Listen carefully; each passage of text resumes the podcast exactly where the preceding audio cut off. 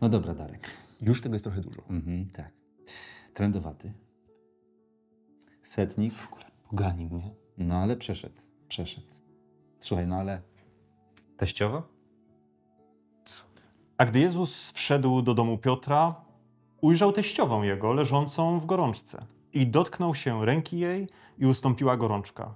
Ona zaś wstała i posługiwała mu.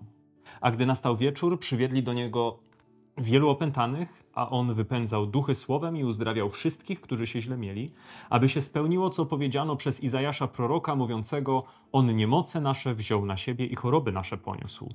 A Jezus, widząc lud wokół siebie, kazał prze, przeprawić się na drugą stronę.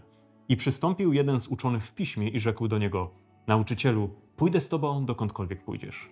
I rzekł mu Jezus: Lisy mają jamy, ptaki niebieskie gniazda, ale syn człowieczy nie ma, gdzieby głowę skłonił. A drugi z uczniów rzekł do niego: Panie, pozwól mi wpierw odejść i pogrzebać ojca mego. Ale Jezus rzekł mu: Pójdź za mną, a umarli niechaj grzebią umarłych swoich. My oczywiście troszkę żartem rozpoczęliśmy w kontekście naszych teściowych, które bardzo, kochamy. oczywiście. Tak, natomiast Pozdrawiamy. serdecznie. Pozdrawiamy. E, Natomiast wydaje się, że rzeczywiście historia ta nie jest spisana w kontekście świata, w którym my żyjemy, gdzie jednak równouprawnienie i rola kobiet jest w zupełnie innym miejscu niż była w tamtym świecie. I fakt, że cud dokonywany jest tutaj i jest to zapisane względem kobiety, jest jednak wydarzeniem dość istotnym. Dla mnie piękne też w tym fragmencie jest to, że w ósmym rozdziale Ewangelii Mateusza już drugi raz widzimy, jak Jezus uzdrawia e, ludzi swoim dotykiem. Raz uzdrowił słowem, ale na razie dwa razy swoim dotykiem. To też jakby pokazuje, że Jezus chce być e, blisko nas. I to też jest niezwykłe, że kiedy On ją uzdrowił, ona wstała i posługiwała. E, Myślę, że to też z tego płynie taka piękna lekcja, że Jezus uzdrawia nas do tego, żebyśmy mogli po prostu służyć. Jak jeszcze popatrzymy na te trzy historie razem, to mamy najpierw trendowatego, który przychodzi i mówi: Panie, jeśli chcesz, możesz mnie oczyścić. Mamy setnika, który przychodzi, ale mówi tylko, że sługa mu jest chory, ale nie ośmiela się nawet poprosić. A tu mamy sytuację, w której nikt nie przychodzi do Jezusa. To Jezus przychodzi do miejsca, gdzie ktoś jest chory, i też nie mamy tej perspektywy uzdrów mnie, albo nawet jakiegokolwiek słowa. Mamy Jezusa, który uzdrawia. Po prostu takie sprawozdanie. Znowu, po raz kolejny Mateusz utwierdza nas w tym, że Jezus chce. On chce przynieść swoje królestwo wszystkim.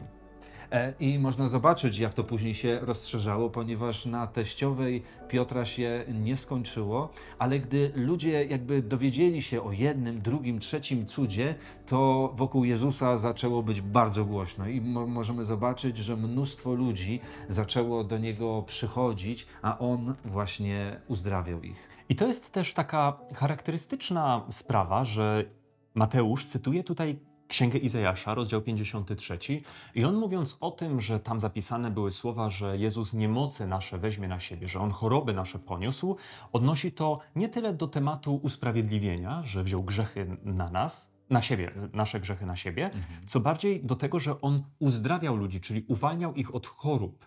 I te sprawozdanie, które tutaj mamy, po raz kolejny jest tym, co Mateusz robi cały czas. Patrzcie, on jest Mesjaszem. On jest tym, który spełnia te proroctwa. I dalej e, widzimy, że e, kiedy tak mnóstwo ludzi przychodzi do Niego, e, Jezus ich uzdrawia, to ludzie, w ludziach rodzi się takie pragnienie, żeby być Jego uczniami. Tak, bo nie było takiego drugiego nauczyciela jak Jezus i czytamy o tym, że nawet uczony w piśmie przyszedł do Jezusa, aby stać się Jego uczniem. I to, to też jest- niezwykłe. Tak, tym bardziej, że my jednak widzimy takie napięcie w Ewangelii Mateusza między Jezusem a uczonymi już teraz, a będzie tego znacznie więcej później. I ten uczony nie jest tylko uczonym, który losowo przyszedł, tak, gdzieś, ale on jest, jak wynika to z dalszego czytania tego fragmentu, on jest jakby uczniem Jezusa. Nie chodzi mi o uczniów w kontekście dwunastki, którą zwykle określamy tym zwrotem, Ale nazywa Jezusa nauczycielem. tak, nazywa go nauczycielem.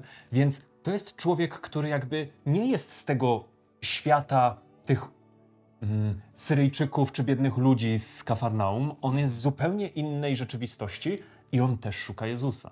Jego deklaracja jest bardzo odważna. Piękna bym powiedział, bo on właśnie mówi takie słowa: Nauczycielu, pójdę wszędzie, dokądkolwiek ty pójdziesz.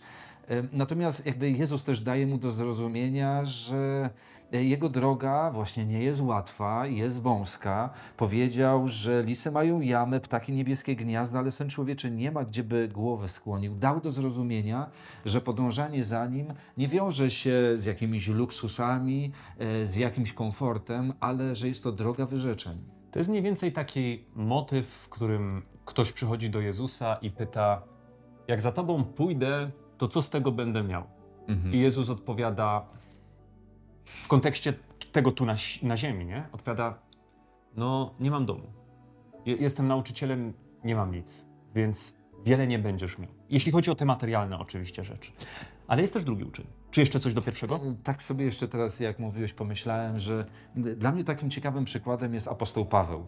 Tak, bo e, czasami e, patrzy, e, ludzie patrzą na to w taki sposób, okej, stanę się chrześcijaninem, przyjmę Jezusa, to On wszystko ładnie poukłada, prawda, w moim życiu, że będę bogatszy, że będę nie wiem, mądrzejszy, że Mhm. będę wszystko miał e, ładniej poukładane. Natomiast kiedy patrzymy na przykład na apostoła Pawła, który przyjął Jezusa, który miał poukładane ładnie wszystko w swoim życiu, prawda, e, był tam nauczycielem, miał wykształcenie, e, miał jakąś tam reputację, znajomości. Natomiast kiedy przyjął Jezusa, to wszystko zaczął strać, e, tracić po, po, po woli, tak?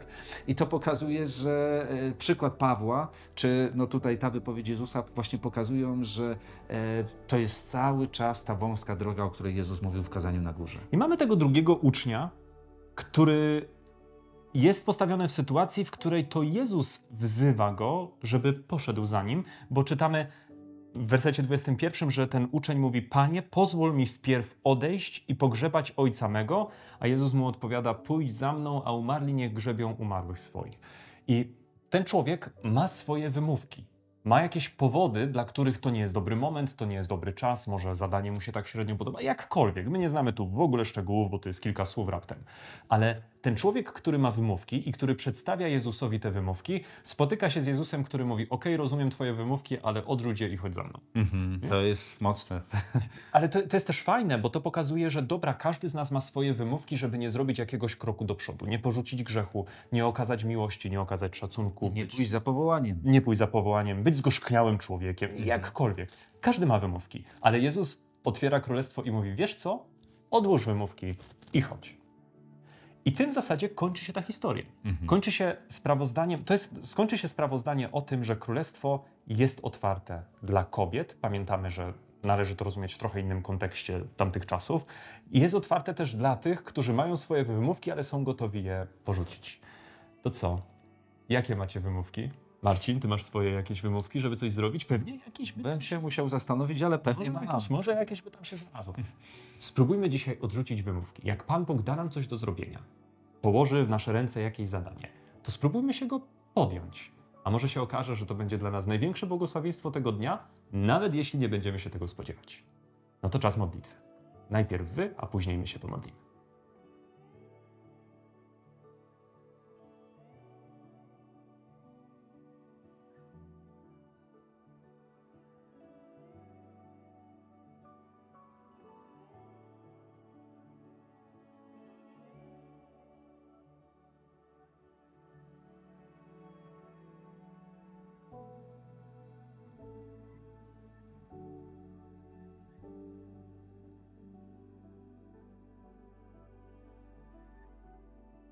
Panie Jezu, prowadź nas dzisiaj.